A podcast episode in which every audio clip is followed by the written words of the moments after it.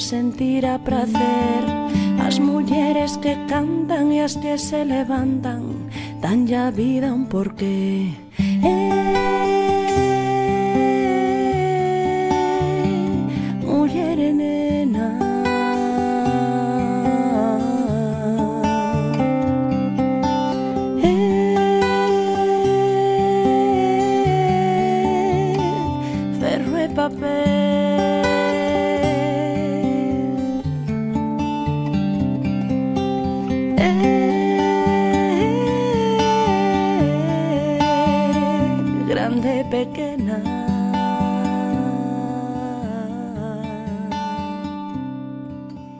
comezamos este programa do Gris o Violeta eh, ata lo de agora as, as súas protagonistas eh, falábamos delas en terceira persoa pero hoxe va a ser ela mesma quen nos fale da súa vida e desas eh, moitas primeiras que ten a lo largo de, da, da súa vida. A primeira de todas, eh, eh, va como primeira pregunta.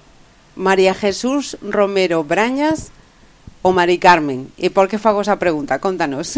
A min, cando me bautizaron, meu pai levou a súa irmán e o mozo da súa irmán. Entonces, el habíame posto no registro María del Carmen, porque así era como se chamaba a miña nai. Ajá. E el iba con esa idea de poñerme na iglesia igual María del Carmen. Ajá. Pero como a miña tía, irmán de meu pai, chamábase Jesusa, e o mozo que iba con ela para ser o meu padriño, chamábase Jesús, díxolle, Robustiano, como non lle vamos a poñer María Jesús? E meu pai díxolle, pero se xa lle puxe María del Carmen, pois na iglesia é María Jesús. Eu non supe nada deso hasta que fun facer o documento nacional de identidade uh -huh. e topeime que eu eu vivín 22 anos creéndome que era María Jesús. E cando fun buscalo o certificado, uh -huh. a señorita que estaba ali díxome, no querida, no eres María Jesús, eres María del Carmen. Uh -huh. Eu cheguei á casa e dixen a meu pai, pero papá, Pero usted como fixo eso? Bo, foi miña irmán que lioume todo eh, eh, e, e bueno, pero mira, é o mismo, haste de casar igual. E fun á iglesia, falei co cura e dixen o que me pasaba e díxenme que por el non había ningún inconveniente. Ajá. Que el eh, casábame como María Jesús, María Jesús. Sí, sí. Que era o Jesús María del Carmen. Sí, que era o que nome. era o con nombre que uh -huh. eu tiña na iglesia. Sí. Entonces dixen, bueno, pois vaiche ben. Marchamos fora, o meu home mas eu, eu nunca tuve ningún problema por iso. Uh -huh. Pero cando volvemos outra vez, entonces foi cando volveron outra vez os líos. Sí. Eh, claro, eu quedei viuda moi nova, eu ainda tendría, ten, tiña máis líos se empezaba a revolver. Sí. Pois ao cabo de todos estes anos uh -huh. sigo tendo o mismo follón. O día que morra tendrán que poñer na esquela María Jesús del Carmen. o María Coñecida del Carmen de Jesús. Para todos como Susa, ¿no? Susa, Pontevedra, sí. Susa. Uh -huh. Uh -huh. Eh, é unha muller a que temos eh, diante pioneira en moitos a, aspectos. Unha muller que ao longo desta de, de vida tivo que traballar moito. Moito. Moito. moito sí, e tamén eh, algo habitual na, nas eh, mozas da, daquel momento que tivera que deixar a escola pronto para entrar a traballar, non? Sí, sí, sí, eu salín da escola ainda non tiña sete anos. Uh -huh. E fun a traballar a repartir o pan de unha panadería. Uh -huh. E despois todo, todos foron tra, traballos, despois fun a unha casa de asistir e ali cando fun para ali tiña 14 anos. E ali foi, si cabe, onde se empezou a enderezar a miña vida. Porque aí eu tiña unha amiga e gustáballe moito andar así en moitas enxeroladas. E un día en Radio Pontevedra dixeron que se facía un homenaje aos bomberos. E homenaje aos bomberos era na, mm, un festival na Praza de Touros. Na Plaza de Touros. E a miña amiga cansouse de decirme Por que non vas? Por que non vas? Tú con lo bien que cantas y cantas allí y no tienes aquel ninguno. E señor, mira Lolita, déjame en paz. O que pasa é que ao final picoume así un pouco a... e fun a Radio Pontevedra e estaba María Elena Alonso, estaba a que agora vive aí na calle Chegaray, e, e eu fun a, a, a apuntarme. Uh -huh. E o caso é que eu che, iban chegando os días E miña nai un día escoitou o, a, a, a introdución da, das cancións que se iban a cantar E mamá dixo, nena, esa non eres ti. Eu dixen, no. O caso é que chegou a fecha e non tuve máis remedio que decirlle mamá. É un homenaje aos bomberos, non é aquel ningún, non se está facendo nada malo. E, claro, miña nai, sendo unha cousa que era dos bomberos, e meu pai tamén dixo que sí, uh -huh. e fumo ao malvar o festival era no Malvar. E na primeira función pude cantar, pero na segunda non, puxome fónica. Afónica. Uh -huh. E claro, un día iba, estaba na, nas verbenas da peregrina e pasou Ricardo Barajas pola Ferrería ou pola, pola Alameda uh -huh. e díxome que me estaban buscando facía non sei cantos días e non me topaban porque se iba a celebrar un festival na Plaza de Toros era un festival ao Guardia Prudencio, uh -huh. era, bueno, despois eu xa non sei se era o Guardia Prudencio, se o que era, eu só sei que veu o Cardenal Quiroga Palacios. Caramba. E eu dixen, bueno, se hai que ir, se va. Vaise, eu dixen a miña nai, mire, hai un festival na, na Plaza de Toros, pero é un homenaje aos bomberos. Uh -huh Bueno, pois, si, era, os ensaios eran coa orquesta Gran Casino. Uh -huh. Eran ali en Santa María, que era onde vivía o director. E fun a Plaza de Toros. E cando baixou Quiroga Palacios, felicitounos polo ben que o habíamos feito. feito. De feito, teño unha, unha fotografía que despois se echa de enseñar. Uh -huh E, entonces o señor foi a falar con meus pais a ver se me deixaban ir a cantar coa orquesta. E miña nai dixo, no, no, no, no, no. E meu pai, como miña nai dixera no, meu pai dicía no. Uh -huh. Pero ao final convencina así un pouco e fomos a Vigo. Ajá. Uh -huh. Pero eu estaba ganando 450 pesetas na casa de asistir un, o, o mes. O mes. Uh -huh. Eu, por haber ido a cantar ali aquela noite, ganei 500 pesetas. Menuda diferencia. E, claro, os cartos eran necesarios. Uh -huh. Eu dixenlle a miña nai que se me deixaba, os da orquesta estaban encantados con que fora. Uh -huh. E fun. Ali foi onde conocín o meu home, uh -huh. que era o conductor do coche. Sí. E e aí termínase el epílogo de la Gran Casino. E aí, co, aí marca un, un fito, porque eso supón que María Xesús Romero sexa a primeira muller en Pontevedra que cantou nunha orquesta. Sí, así sí. Uh -huh. Desa forma, en Pontevedra non foi des, despois uh -huh. hubo máis, pero a primeira en ese sentido con unha orquesta fun eu. Uh -huh. Elina Máis, que era unha muller recta. Ah, sí, sí. Había que fun chamar a atención algún sempre. deles eh, eh, e chamaba. E eh. chamábase, xa. eu non tiña ningún problema. E mm. cando algún dos compañeiros vía que íbamos ao mesmo sitio dúas veces Ajá. e vio con a mesma chica, decía ojo, que se lo digo a tu mujer. Ai, que... Había que a única un... muller era que estaba a vixiar aqueles homes. Ah, no, sí, sí, non, no, diante miña, eles non facían extremonías de ninguna clase. Uh -huh. E ao cabo deste tempo, ainda lle dixen a unha chica, e dinlle unhas fotos para que preguntara en Arcade, uh -huh. porque tres eran de Arcade, si existía algún, porque eu ainda estou aquí. Uh -huh. E Susa, eh, Manuel tivo que rondala moito, eh? Ah, a mí fíxome moita gracia cando un compañeiro díxome gusta, o, o condutor gustas, eh? Eu dixiño, ah, semejante viejo. e mira ti. Mm, as cousas que ten a vida. Despois fume casar con el. Uh -huh. E aí está o, o que saleu del. Ana, a filla tamén. E... Tiña na medio un día cando morreu uh -huh. seu pai. Uh -huh. Eh, son cousas da vida, non das que falábamos eso antes. Eh, as cousas veñen, non se elixen, pero hai que... Uh eh, falamos de cousas eh, máis Mais. máis alegres, Usa, porque tamén eh, fuches eh, pioneira en subir nunha moto aquí en Pontevedra. Ah, sí, sí, sí.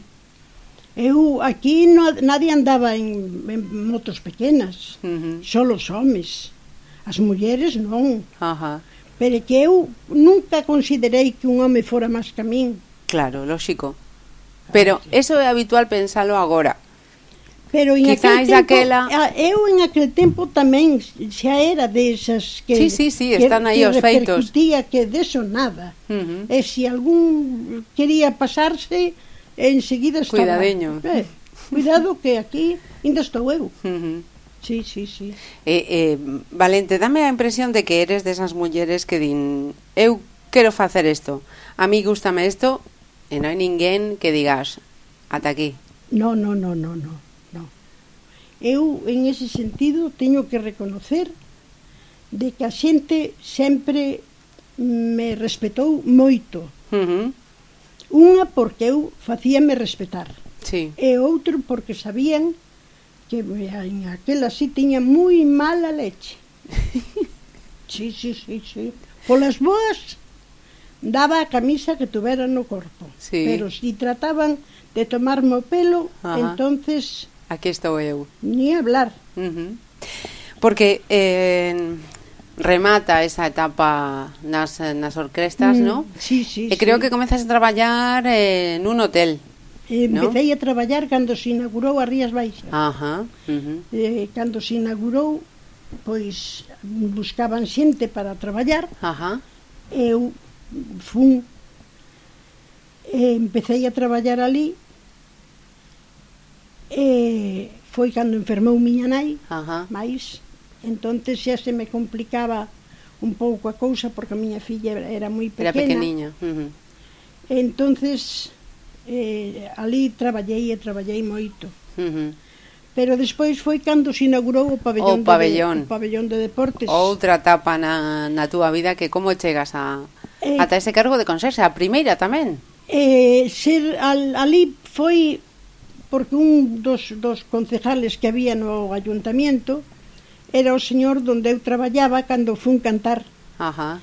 Que él era concejal, era de Tenorio estaba casado con unha señora que era de Madrid e traballaba en Hacienda. Uh -huh.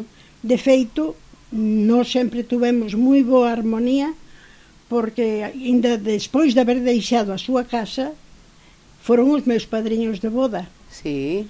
E cando a min cando naceu a miña filla, a nai dela uh -huh. foi a madriña, por eso se chama ah, Ana, Ana. Uh -huh. porque a doña Ana era a nai vamos, a sogra de don Aquilino, Ajá. que por eles foi por lo que máis se preocuparon por min para que tuvera un traballo uh -huh. que pudera estar, vamos, sair adiante. Mm, eso. Es. Uh eh, -huh. Eh, deses anos no, no pabillón eh, 37, creo, ¿no? 38. 38. Eh, haberá moitas, moitas, moitas eh, anécdotas, moitas anécdotas moitas. E cando eran festivales de España, que eran o que se celebraba aquí en aqueles momentos, aparte dos, dos outros espectáculos, Ajá. veu moita xente, moita xente moi importante e moita xente que foi moi simple, pero sempre había algunha anécdota, uh -huh. algo curioso. Eh, vamos, era o conto de, de Urdandarín, E como de Urgandarín sempre hai algún. Es que aí quería parar eu, porque Bueno, logo comento, comento che isto, pero eh, falabas de tres nomes propios que, que todos os que van a escoitar isto van a saber quién es. Iñaki Urdangarín, o marido da, da infanta. Sí, sí. Isabel Pantoja e Julio Iglesias. Creo que contéis esas tres sí, anécdotas. Sí, e, e que esas tres anécdotas foron moi curiosas porque a Isabel Pantoja, cando dixo donde me cambio, pero pidindo como se si fora que había que buscar, eu dixenlle aí, vestuario das mulleres. Ajá. E díxome, no, no, yo quero un sitio máis acogedor.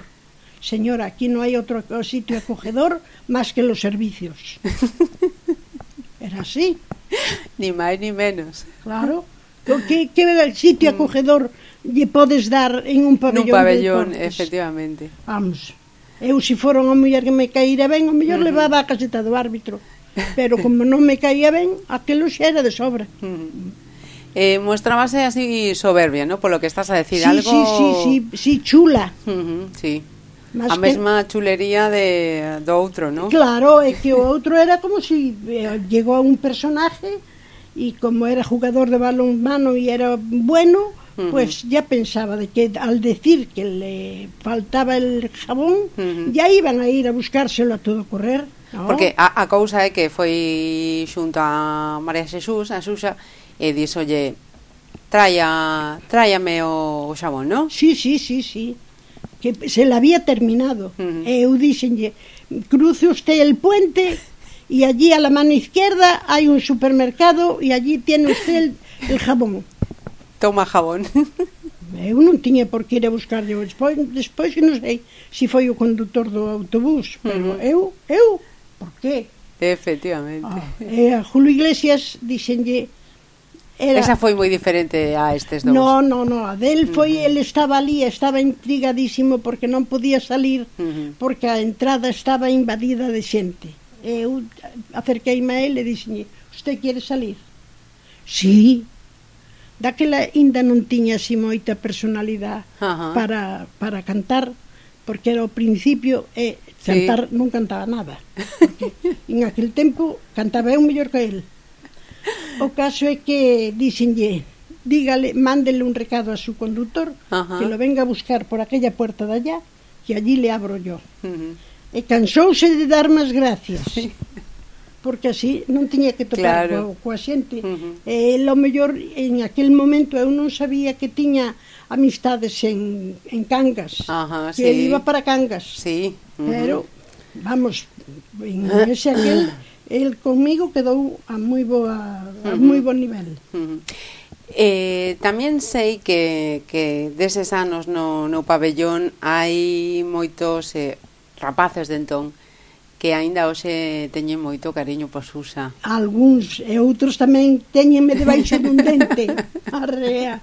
No, no, eh. seguro que no, seguro que no. Fíxome moita gracia o día que eu viña hacia aquí, hacia a casa da miña filla, aí enfrente hai un comercio de cociñas. Ajá.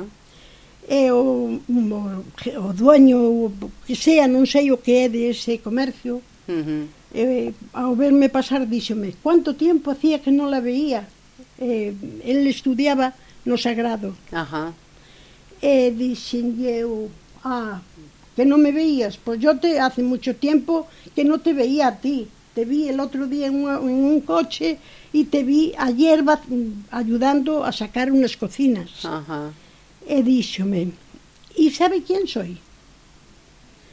Eu dixenlle, mira, nombre e apellido non sei quen eres. Uh -huh. Pero yo sé que venías al pabellón de deportes con el padre Luis y con el, el profesor de, de, educación física y veníais al pabellón de deportes a jugar al voleibol. Uh -huh. Y se acuerda de mí, de ti y de los otros. Uh -huh. No te olvides que yo uh -huh. tengo muy buena memoria. Ahora, ahora, ah, después de pasados todos esos años, aun cuando me ve, me saluda y se ríe. Eso es por algo, siguen, Susa. Le sí, siguen señor. recordando uh -huh. aquellas anécdotas, Ajá. pero pasábamos bien. Uh -huh. Eran buenos chicos. Mira, eh, eu quería preguntarche tamén eh, as, mus, as, as mulleres de hoxe en día, ¿no? Mm. Unha muller como a ti, que traballou tanto, que saiu adiante a pesar da, das eh, dificultades, que tiña esa, esa actitude de eu quero facer isto, eu vou facelo, Crees que as mulleres de agora temos esa valentía, no. ese, no? A maioría non. A maioría queren que yo den todos achado e mandado. Uh -huh. A min gustaban eh, algunhas chicas, sí que me gustan porque teñen arranque. Uh -huh.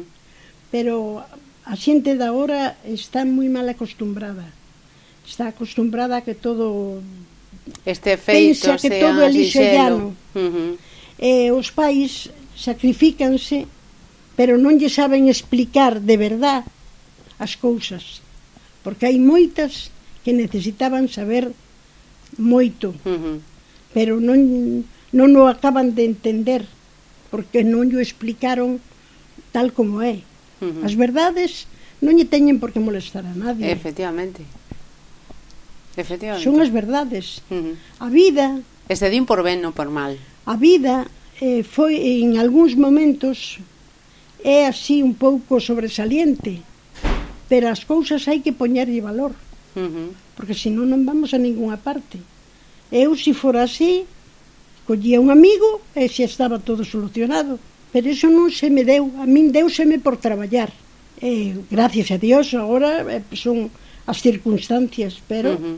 Pois, pues, Susa, eu quería preguntar tamén a, a, ver, a, a Ana, a túa filla, Xa temos a Ana con, con nos. Eu quería preguntarlle tamén, eh, ti eres eh, consciente do, do mérito que ten eh, Susa, de eso de que fose a primeira muller tantas eh, tantas cousas.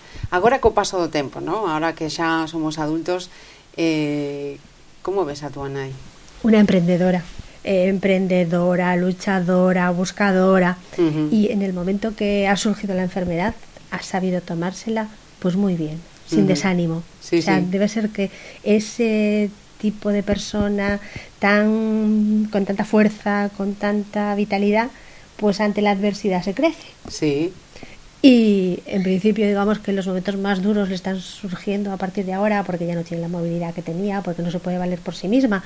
Pero bueno, ella tiene que recopilar para atrás y decir, uff, todo lo que hice. Y aunque ahora mismo no puedo, pues no pasa nada. Uh eh, a filla tamén colleu ese ímpetu, esa forza, eh? En principio tratamos, o sea, y lo estoy viendo exactamente igual con nuestras hijas, porque a veces comentando con amigas, eh, salen también emprendedoras y buscadoras, son dos chicas universitarias y en principio si tienen una oportunidad de buscarse un eurillo, tratan de buscarse el eurillo, no de que Mm. nosotros tengamos que financiárselo Ajá. todo, o sea, no tienen pereza, Sí, sí. O sea, que debe ser, Susa, un gen, que debe ser un gen. Efectivamente, efectivamente. Pois, Susa, Muchísimas gracias, todo un exemplo, eh? E Ana, o mesmo tamén. De nada. Gracias por abrirnos as portas da túa casa. Sin ningún problema, cando queráis. Gracias.